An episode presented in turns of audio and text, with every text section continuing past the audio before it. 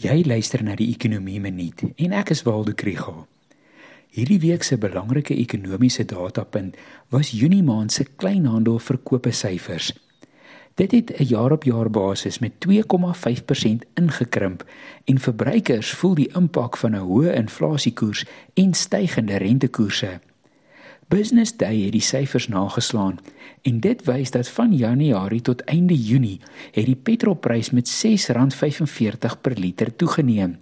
Voedselprysinflasie was 9% en die prima uitleenkoers het toegeneem van 7,5% tot 8,25%.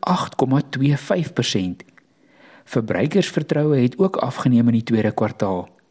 Dit het twee belangrike gevolge. Arm huishoudings word swaar getref deur die voedsel- en brandstofprysinflasie.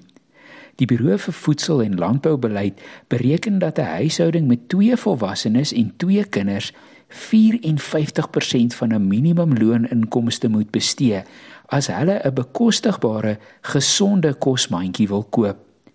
As hulle net op mieliemeel leef, sal dit 16% van hulle inkomste kos.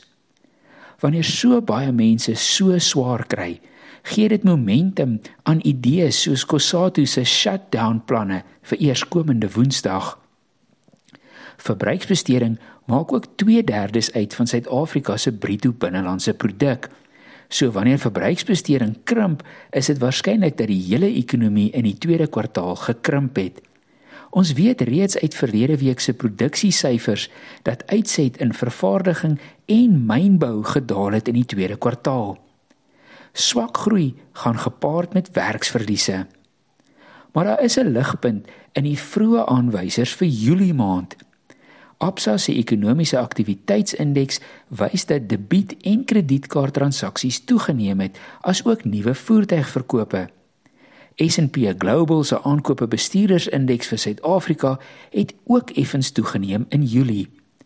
Hoopelik is daar so bietjie ekonomiese groei saam met die lentebloeisels.